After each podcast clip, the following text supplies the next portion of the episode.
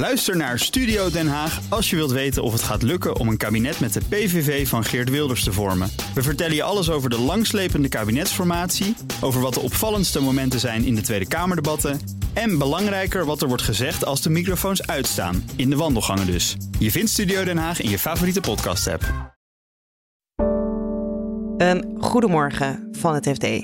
Ik ben Pauline Zuster en het is woensdag 1 februari.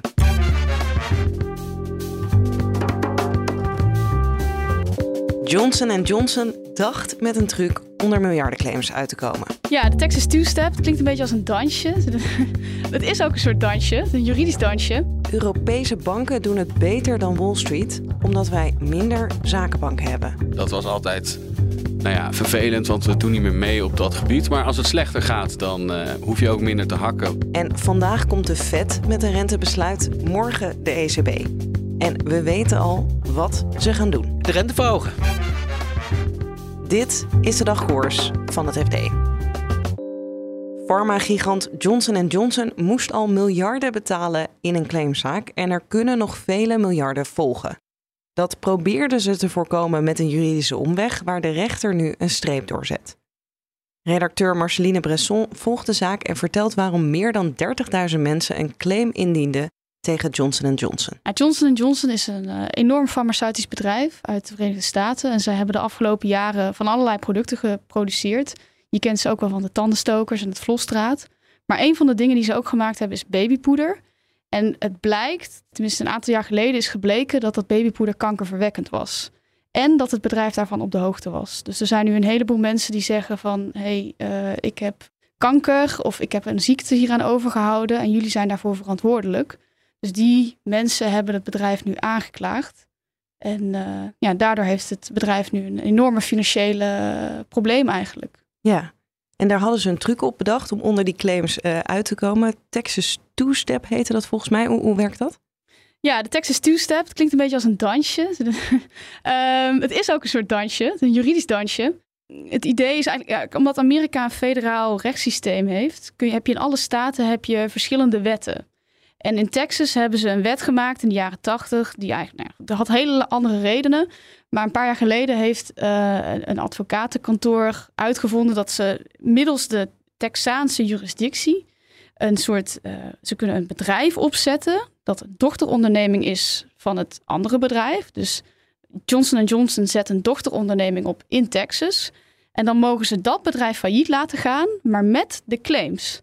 Dus dan komen de claims niet meer in de boeken van het moederbedrijf Johnson Johnson, maar staan de claims in de boeken van de Texaanse dochteronderneming. Krijgt dat bedrijf een zak geld mee en heeft Johnson Johnson er verder geen last van.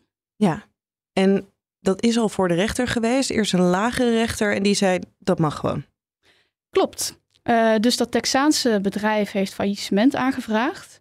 Uh, en dat is uiteindelijk behandeld wel door een rechter in New Jersey. Want daar zit dan het moederbedrijf Johnson Johnson gevestigd. En de rechter uh, had toch wel zoiets van: ja, ik, ik, ben wel eigenlijk de persoon die dit moet behandelen. Want ik zie ook wel dat dat Texaanse bedrijf toch vooral iets te maken heeft met het bedrijf uit New Jersey. Maar de faillissementsrechter in New Jersey heeft gezegd: dit mag. Want uh, het faillissementsrecht zorgt ervoor dat uh, die claims veel sneller afgehandeld kunnen worden dan wanneer al die individuele zaken voor individuele rechtbanken moeten verschijnen. En toen zijn de mensen die dus geld wilden van Johnson Johnson zijn naar nog een hogere rechter uh, gegaan. Wat zei die uiteindelijk? Die heeft dus nu gezegd, dat is eigenlijk best wel belangrijk, dat is deze week naar buiten gekomen, dat dit niet mag. Dus de hoge rechter die spreekt de lagere rechter tegen.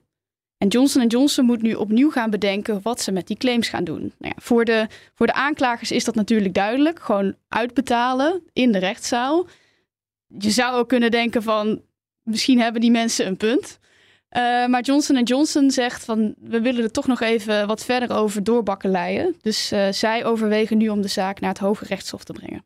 Ja, en is de kans groot dat die dat dan gaan aanpakken, die zaak? Ja, die is niet heel groot. Het Hoge Rechtshof in de Verenigde Staten uh, maar een aantal zaken per jaar behandelt.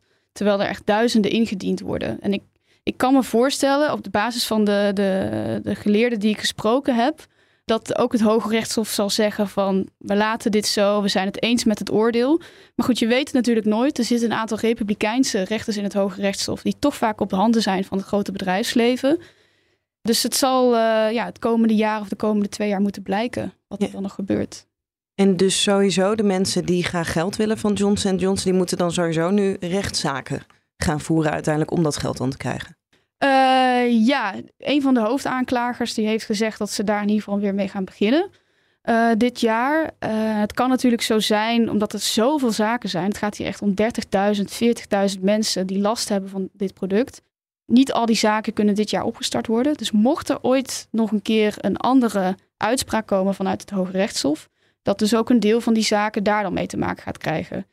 Maar goed, het is de vraag uh, of dat gaat gebeuren. En sowieso is het gewoon een, een setback voor Johnson Johnson, omdat ze dit jaar en komend jaar dus al wel weer de rechtszaal in moeten om gewoon individueel uh, ja, met die mens, met zich tegen die mensen te verdedigen.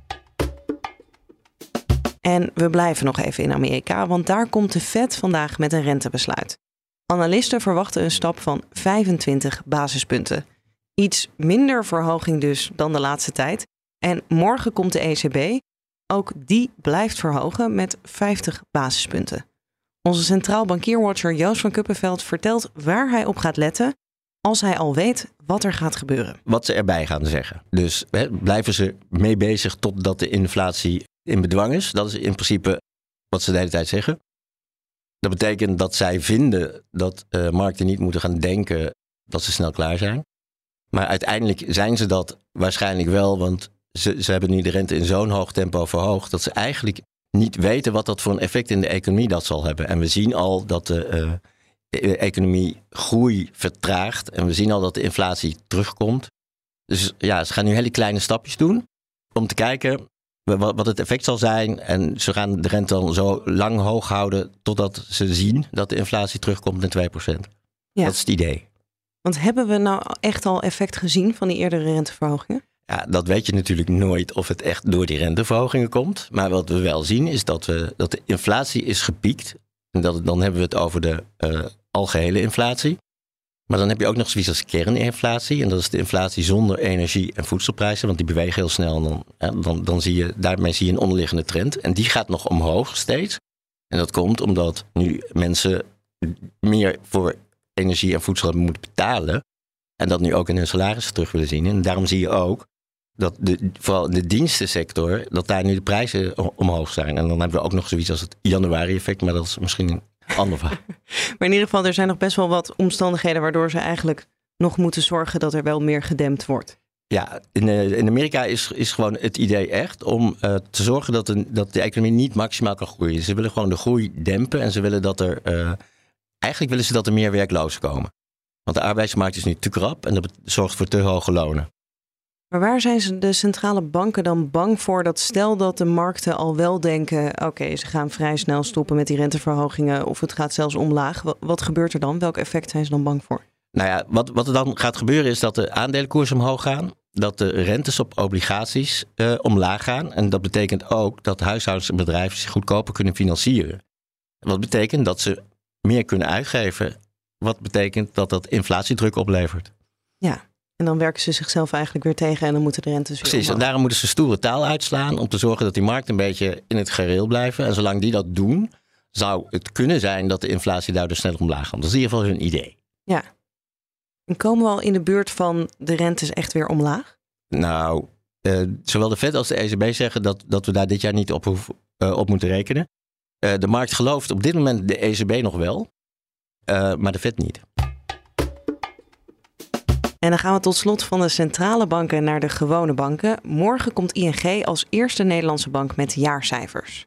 En wereldwijd was 2022 een recordjaar voor de banken, becijferde McKinsey, ondanks de oorlog in Oekraïne en de bijkomende energiecrisis. Toch zien we nu op Wall Street grote ontslagrondes. Bankredacteur Matthijs Rotteveel legt uit hoe dat kan. Het Amerikaanse klimaat voor de banken begint er minder goed uit te zien, omdat de rentestijgingen achter de rug zijn. Of nou ja, dat verwachten ze in ieder geval. Ze hebben alvast uh, die, uh, die winsten geboekt uh, op de leningen die ze uit hadden staan. Maar nu moeten ze ook daar de spaarrente gaan verhogen. Bovendien was afgelopen jaar wel een minder jaar voor beursgangen en fusies en overnames. En daar zijn juist die Wall Street banken heel goed in. En ze denken ook dat komend jaar met die, met die hogere rente en een uh, minder sneller, uh, snel groeiende economie, dat ze ook niet zoveel beursgangen en fusies en overnames verwachten. Dus, en dan wordt er op Wall Street meteen gehakt en dan gaan er hele teams van die afdelingen naar buiten. En gaan we dit dan ook in Europa zien? Wij hebben iets minder van dit soort zakenbanken, toch? Ja, ja. Dus die markt wordt gedomineerd door Wall Street banken. Europese banken hadden dat natuurlijk in het verleden ook. Dat was altijd nou ja, vervelend, want we doen niet meer mee op dat gebied. Maar als het slechter gaat, dan, uh, dan uh, hoef je ook minder te hakken. Want de Europese banken zijn meer afhankelijk van inkomsten uit betalingsverkeer en vermogensbeheer. En dat zijn meer stabiele, stabiele inkomsten. En die verwachten ze dat komend jaar ook nog, uh, nog redelijk goed zullen doen. En kunnen we al iets zeggen over de verwachting voor de Nederlandse banken? Ik kan me voorstellen als er wereldwijd het een goed jaar was vorig jaar, dat het Nederlands ook een goed jaar is geweest? Ja, ja voor Nederlandse banken is het ook een goed jaar geweest en uh, worden winststijgingen verwacht. Hoe groot zijn de verschillen onderling? We hebben, nou ja, ik denk wereldwijd dat ING en ABN nog een beetje meedoen. Is een van de twee populairder bij beleggers aan? Dat is duidelijk uh, ING. Uh, ik keek net nog even op, op Bloomberg en ik geloof dat 75% van de analisten een koopaanbeveling heeft voor ING. En waar zit hem dat dan in bij ABN? Waarom is dat minder aantrekkelijk? Is dat dan omdat het nog deels in handen is van de staat? Dat speelt een grote rol. De staat heeft natuurlijk nog steeds uh, een, uh, meer dan de helft van de aandelen in bezit. Uh, de staat zegt ervan af te willen. Wanneer ze zeggen ook van ja, wanneer dat gaat gebeuren. We hebben geen haast, maar dat, dat pakket hangt natuurlijk boven de markt. Bovendien kan ABN AMRO ondanks dat de staat niet met de dagelijkse gang van zaken zich bemoeit, gaat de markt er toch vanuit van ja, ze iets minder vrij uh, bewegen. Daarnaast uh, kondigt ABN AMRO al lang bezuinigingen aan. Uh, de vraag is, gaan ze die doelen ook halen van de bezuinigingsrondes die ze hebben aangekondigd? En um, ja, het is ook een beetje, beetje de vraag van hoeveel aandelen kan ABN AMRO nog inkopen? Want dat is heel belangrijk voor beleggers. Eigen aandelen inkopen, zodat je meer uh, de winst uh, die je maakt kan verdelen over minder aandelen die overblijven. ABN AMRO heeft, uh, heeft een, houdt grotere buffers aan voor slechte tijden dan bijvoorbeeld ING. Waardoor ze relatief minder eigen aandelen kunnen inkopen. Dat wordt op de beurs dan ook weer iets minder gewaardeerd. Ja, en als het er toch nou, relatief rooskleurig uitziet voor de banken, ja, vraag voor de eigen portemonnee. Kan de rente dan ook nog verder omhoog? De rente kan zeker omhoog. Of het uh, gaat gebeuren is een, is een tweede. Nou, het begint natuurlijk een beetje te stijgen. Hè? Dus er komen alweer uh, een half procent hier of daar. Maar ze zitten altijd tussen twee vuren. Dus het is of je aandeelhouders blij houden door hogere winsten te maken en die uit te keren of je klanten blij houden door hogere rentes te maken en uh, uh, spaarrente uit te keren. En daardoor misschien minder winst over te houden. En daar zullen ze altijd een beetje tussen blijven balanceren.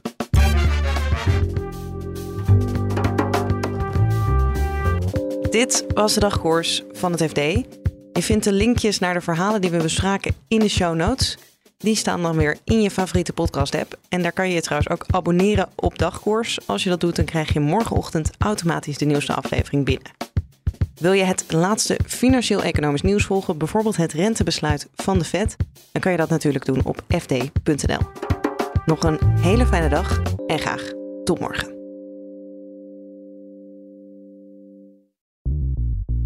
Bij BNR ben je altijd als eerste op de hoogte van het laatste nieuws. Luister dagelijks live via internet. Bas van Werven. En heel langzaam komt de zon op rond dit tijdstip. Je krijgt inzicht in de dag die komt op BNR, het Binnenhof in Nederland en de rest van de wereld. De Ochtendspits. Voor de beste start van je werkdag. Blijf scherp en mis niets.